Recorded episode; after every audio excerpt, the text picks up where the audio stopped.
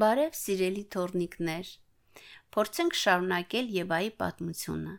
Տեսնենք, թե ինչով ավարտվեց Եվայի երազը։ Բացելով սուրբ ծառի դուռը, Եվան չգիտեր որ կողմ գնա, ու որոշ ժամանակ քայլելով հասկացավ, որ առանց օգնության չի կարող գտնել պարոն Գորտին։ Ի վերջո, նստեց մի քարին, գլուխն առավ ձեռքերի մեջ ու սկսեց լաց լինել։ Հանկարծ բարձրացնելով գլուխը, նա հերվում սարսափով նկատեց նախորդ օրն իրեն հետապնդող գայլերին։ Այդ պահին Եվան մտածեց, որ ոչ ոք չգիտի մեծ հովիտն այնպես, ինչպես գայլերը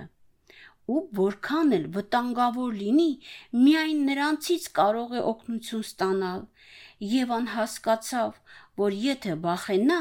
իր կյանքի համար ու չգնա գայլերի մոտ, միևնույն է, չի կարող գնալ իր տունը ճանապարհը գտնել։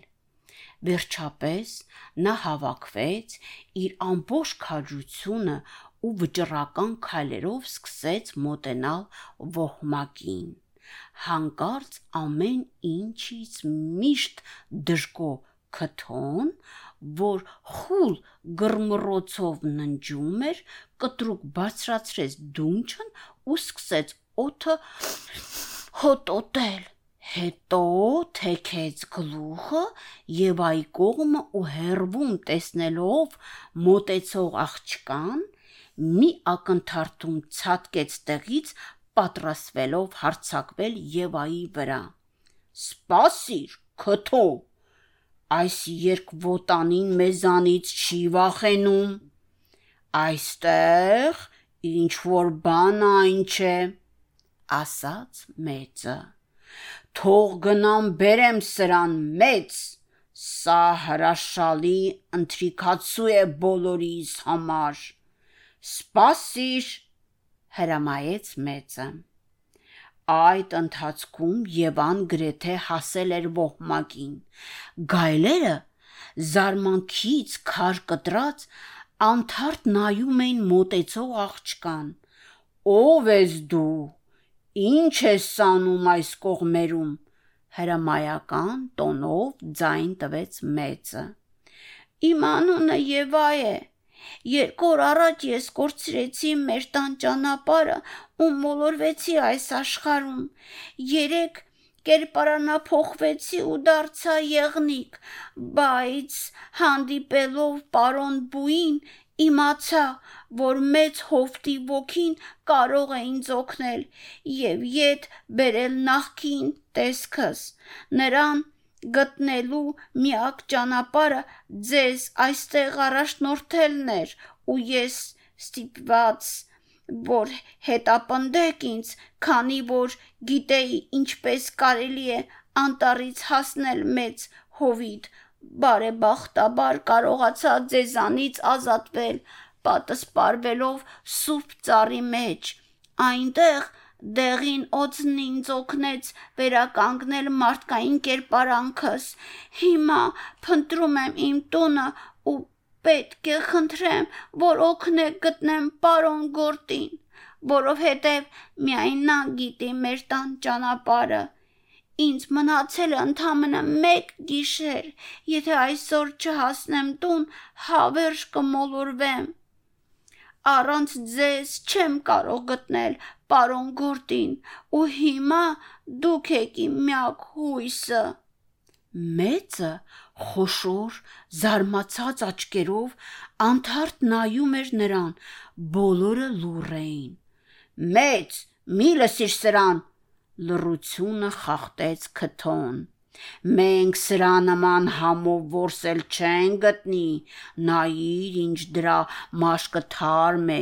ինչ անուշահամ անուշահոտ միս ունի նա։ Ձայնդ սասկեց նրան մեծը։ Ապա մի փոքր դաթարից հետո շարունակեց. Կյանքում առաջին անգամ եմ տեսնում, որ ինչ որ մեկը այսպես անկեղծ խոսի մեզ հետ ու վստահի մեզ գայլերիս։ Մի պահ մտածիր, քթո, Բոլոր արարածները վախենում են մեզանից, բոլորն ատում են, ու ոչ ոք մեզ այնպես չի վերաբերվել։ Նայիր նրան, տես որ վախի նշուլ անգամ չունի։ Ինչպես կարող ես մտածել նրան ուտելու մասին։ Ախար հենց նա է մեզ յետ բերել մեծ հովիտ։ Չես հիշում, ինչպես էր գիշերները անտառում կարոտից ոռնում։ Դա է քո շնորհակալությունը։ Հերիք է մռնչաց քթոն։ Ես արդեն հոգնել եմ քո անիմաստ ու անհետաքրքիր բարբաջանքներից։ Դու ծեր ու հիմար կենթանի ես եւ այլևս չես կարող մեզ ղեկավարել։ Վերջ։ Ապա շրջվելով դեպի ոհմակը, վրթոված ձայնով դիմեց մեծ մնացած գայլերին։ Տղեկ, չեք տեսնում, որ մեծը ցնդել է։ Ում ասես ծիծաղից կմեռնի ոհմակի գլուխն ուզում է փոքրիկ երկվոտանու հետ ընկերություն անել։ Հա հա հա։ Լսեք, նման առաջնորդի հետ դուք երկար չեք գնա, վաղ թե ուշ բոլորը սովից կսատկենք, հասկանում եք այդքանը։ Դու բոլոր սահմաներն անցար քթո մռնչած մեծը սա քո երազած հնարավորություն է որ ես քեզ մարտի եմ կանչում եթե հաղթես դու մարտը ապա հետ այն ինչ որ ուզում ես բայց եթե ես հաղթեմ մեծի խոսք եմ տալիս առանց ներում բեկումի շանս տատակ կանեմ քեզ։ Հաձայն եմ։ Խոշոր ատամների արանքից գրմռած քթոն։ Ոհմակը անմիջապես մեծ շրջան կազմեց, շրջապատելով ախոյաններին ու կռիվը սկսվեց Հենց սկզբից մենամարտը շատ դաժան էր։ Քթոն, որ ամենաուժեղ գայլերից էր, հարցակվելով ընկավ թշնամու վրա, ատամներով սեղմեց նրա վիզը ու սկսեց խեղտել։ Բայց մեծը կարողացավ անսպասելի ցածկելով իր վրայից թափ տալ քթոին, մի կողմ գլորելով նրան Քթոն փորձում էր ոտքի վրա մնալ ու հակահարված տալ մեծին, բայց մեծը ձախ թաթով հարվածելով գետնին տապալեց նրան ընկնելիս քթոն գլխով ուժգին հարվածեց կողքի սուր քարերից մեկին ու անշնչացած փռվեց գետնին Եվան այդ ընթացքում ուշաթափվելու աստիճան լարվել էր։ Մյուս գայլերը նույնպես։ Եթե ինչ որ մեկը կա, որ ուզում է այս աղջկան վնասել, թող չտատանվի։ Ես բոլորի հետ կկռվեմ։ Ով է ուզում բախտը փորձել։ Գայլերը լուր ու անմռունչ կանգնած էին։ Հանկարծ նրանցից մեկը գոռաց. Դու ամենակաջ ու ամենաիմաստուն գայլն ես ամբողջ մեծ հովտում։ Կեցե մեծը, կեցե մեծը, կեցե։ Ապա մեծը դանդաղ մոտենալով Եվային ու հանդարտ ձայնով ասաց. Դու փոքր աղջիկ ես, բայց քո անվախ քայլով մեր մտքերի մեջ մեծ բան փոխեցիր։ Դու ինձ օգնեցիր հասկանալ, որ պարզապես վայրի գազան չեմ ու կյանքիս իմաստը միայն որսը չէ։ Շնորհակալ եմ, որ այդպես հրաշագործ գործ կատարեցիր Եվա։ Ես էլ եմ շնորհակալ, մեծ հուզված պատասխանեց Եվան. Սուրբ ծառից դուրս գալուց առաջ դեղին օծն ասաց, որ ինձ տուն կհասցնի միայն սերը։ Ցավոք, ասաց գայլերից մեկը, մեծը լուրջ վնասվածք ունի, ու մենք չենք կարող քեզ ուղեկցել։ Ոչ, ընդհատեց նրան մեծը բոլորիս համար դա մեծ բան չի, աղջիկը ժամանակ չունի, իսկ ճանապարհը վտանգավոր է։ Մենք ինչ գնով է լինի, պետք է ուղեկցենք նրան։ Խումբը հասավ մեծ հովտի սահմաններին, մեծը գլխով հրամայեց բոլորին կանգնել։ Եվա մենք որոշել ենք, որ էլ երբեք չենք լքելու մեծ հովիտը։ Մեծը ջանում էր թաքցնել իր թուլությունը, բայց Եվան տեսնում էր նրա վզի խորը վերքը։ Բոլորի համար անսպասելի Եվան կտրուկ ծնկի եկավ ու գրկեց մեծին։ Դու իմ ճանաչած ամենամեծահոգի գայլն ես մեծ, ասաց Եվան եւ լացակումած մոտեցավ մնացած գայլերին։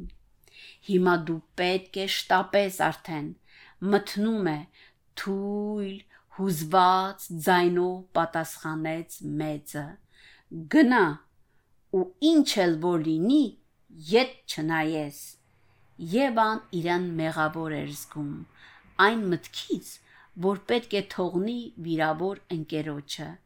բայց նրան ժամեր էին մնացել պարոն Գորտին հասնելու համար։ Նա հերթով գրկելով բոլոր գայլերին հրաժեշտ տվեց ու արագ քայլերով առաջացավ դեպի հերբում նշмарբող կանանչ դաշտը։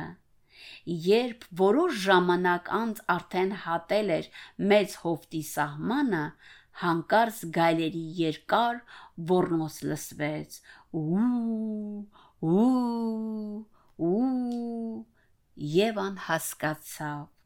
որ մեծ նայելևս չկա։ Նա նույնպես նայեց երկնքին ու կյանքում առաջին անգամ արտասվեց օտար մեկի համար։ Մտածելով մեծի մասին, Եվան մտեցավ ճամփեզրին։ Օրն արդեն մթնել էր։ Այստեղ Եվան վերջապես տեսավ պարոն Գորտին, որն առաջվա նման նստած էր արվակի մոտ։ Լսելով ոտնաձայները, պարոն Գորտը կուա-կուա շրջվեց ու ժպտաց լայն բարի ժպիտով. «Կուա-կուա, վերջապես»։ Ուրախ ասաց Գորտը, ամբողջ օրը սպասում է քեզ։ Ինչու ուշացար։ Կուա-կուա Այնքան բաներ տեսա այս ընթացքում, պարոն Գորտ, շնչակտուր պատասխանեց Եվան։ Գիտեմ, Եվա, բայց ամեն ինչ ավարտված է արդեն, ասաց պարոն Գորտը ուրشادիր նայելով նրան։ Մի գախնիկ պիտի բացեմ քեզ, կուա-կուա։ Աշխարը, որում դու այս օրերին ապրեցիր, գոյություն չունի։ Դու երկար երազ ես տեսնում հիմա։ Իրականում փողոցն անցնելիս քեզ մեքենան է հարվածել։ Քո մարմինը հիմա հիվանդանոցում է ու ծնողներդ սպասում են քո արթնանալուն։ Նրանք շատ տխուր են։ Այն օրը, երբ դու եկար մեզ մոտ, ծնողներդ մոռացել էին իրենց սիրո մասին, բայց դու օգնեցիր նրանց գտնել այն։ Ես չգիտեի, որ ծնողներս դեղին օծի ու պարոն բուի նման չէին խոսում իրար հետ, տխուր ասաց Եվան։ Հիմա եմ հասկանում, թե նախաճաշին ինչու չէին կատակում ու մանկապարտեզի ճանապարհին ինչու հայրս շատ տխուր էր։ Եվա, սա արտացոլանք է այն աշխարի, որտեղից եկել ես։ Օրինակ, պարոն Բուն ու դեղին օծը քո կյանքում իրական կերպարներ են, որոնց շատ լավ ճանաչում ես, կուա կուա։ Կարող ես գուշակել, թե ում են նրանք խորհրդանշում։ Եթե ուզում ես ճանաչել, կվա կվա կվա մարդկանց ուշադրություն դարձրում նրանց գործերին։ Նախ դու ինքդ նկատեցիր, որ այդ երկուսն էլ իրար հետ չէին խոսում, ճիշտ այնպես, ինչպես հայրդ ու մայրդ այն չարաբաստիկ օրը երբ փախար մանկապարտեզից։ Եթե ուրشادիր նայես պարոն Բուի կամ դեղին օծի վարքին, կնկատես, որ օրինակ պարոն Բուն հայրիկից շատ նման է։ Հայրդ քեզ համար կարդում էր հետաքրքիր գրքեր, որոնք սովորեցնում էին հաղթահարել դժվարությունները ու լավ մարդ լինել։ Իսկապես, Զարմացած բացականչեց Եվան. Իսկ դեղին օծը դեղին օծը քեզ տվեց իր ունեցած ամենաթանկ բանը, միակ կախարդական քարը, որ կուլ տալով դու կրկին մարդ դարձար։ Հիմա պատասխանիր, ո՞րն է ամենաթանկ ու կախարդական բանը ձեր աշխարհում։ Չգիտեմ, ասաց Եվան տարակուսված նայելով պարոն Գորտին։ Կյանքը Եվա, կյանքը արյունը, որ հոսում է քո երակներում, կվա, կվա, կվա։ Եթե մի քիչ մտածես, կտեսնես, որ մարդը նույնն է, նույն բանն է արել քեզ համար։ Բայց, պարոն Գորտ, եթե նրանք իմ ծնողներն էին, ինչու չէին օգնում, որ շուտ տուն հասնեմ, հարցրեց Եվան։ Որովհետև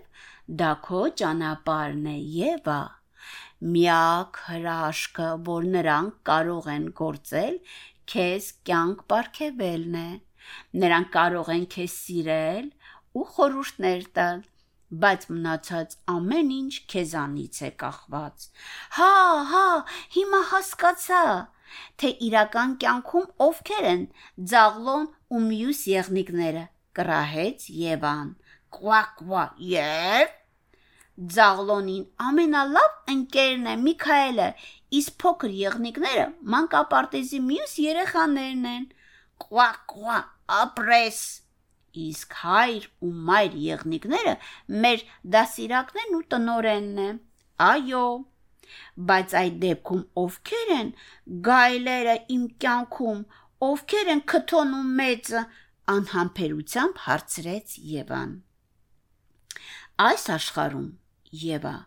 դու հանդիպում ես ոչ միայն այն մարդկանց, որոնց տեսել ես, այլ նաև նրանց, ում կճանաչես, երբ մեծանաս։ Կվա, կվա, կվա։ Պարոն Կորտ Երբ մենք առաջին անգամ հանդիպեցինք, դու ինձ ասացիր, որ ընտրեմ աճ ճանապարհը, ես նվեր կգտնեմ, բայց ոչ մի նվեր էլ ես չգտա։ Քո նվերը Եվա այս պատմությունն է, որը քեզ հետ է։ Պարոն Գորտ, ես ուզում եմ մարդկանց սովորեցնել արթուն սրտով նայել աշխարհին, ինչպես ինքս սովորեցի այստեղ։ Այո, կուա կուա, հենց դա էլ քո նվերն է։ Ապա նայելով աստղերին, պարոն Գորտը մի քանի ցածկով մոտեցավ Եվային ու ասաց. «Կուա կուա, բայց հիմա գնալու ժամանակն է, Եվա»։ Խնդրում եմ։ Նայիր, Ինչ եմ ես քեզ ասում եւ ուրախadir լիգերիր, որ կատարես։ Փակիր աչքերդ, պատտվիր 3 անգամ։ 3 քայլ կատարի դեպի առաջ։ Եվ անփակեց աչքերը, 3 պտույտ արեց։ 3 քայլ առաջ եկավ ու հանկարծ հիշեց, որ չի հարցրել ամենակարևորը՝ Պարոն Գորտ, անամփեր ձայն տվեց Եվան։ Իսկ դուք ով եք իմ կյանքում, իմ աշխարհում։ Բայց պատասխանի փոխարեն Եվան լսեց իր խորը շունչը եւ բացելով աչքերը տեսավ սպիտակ սենյակն ու իր ջերմակ անկողնու կողքին քնած ծնողներին արդեն առավոտ էր այսպես վերջացեց մեր Եվայի երազը սիրելի իմ թորնիկներ, կարդաց Մարա Բաբոն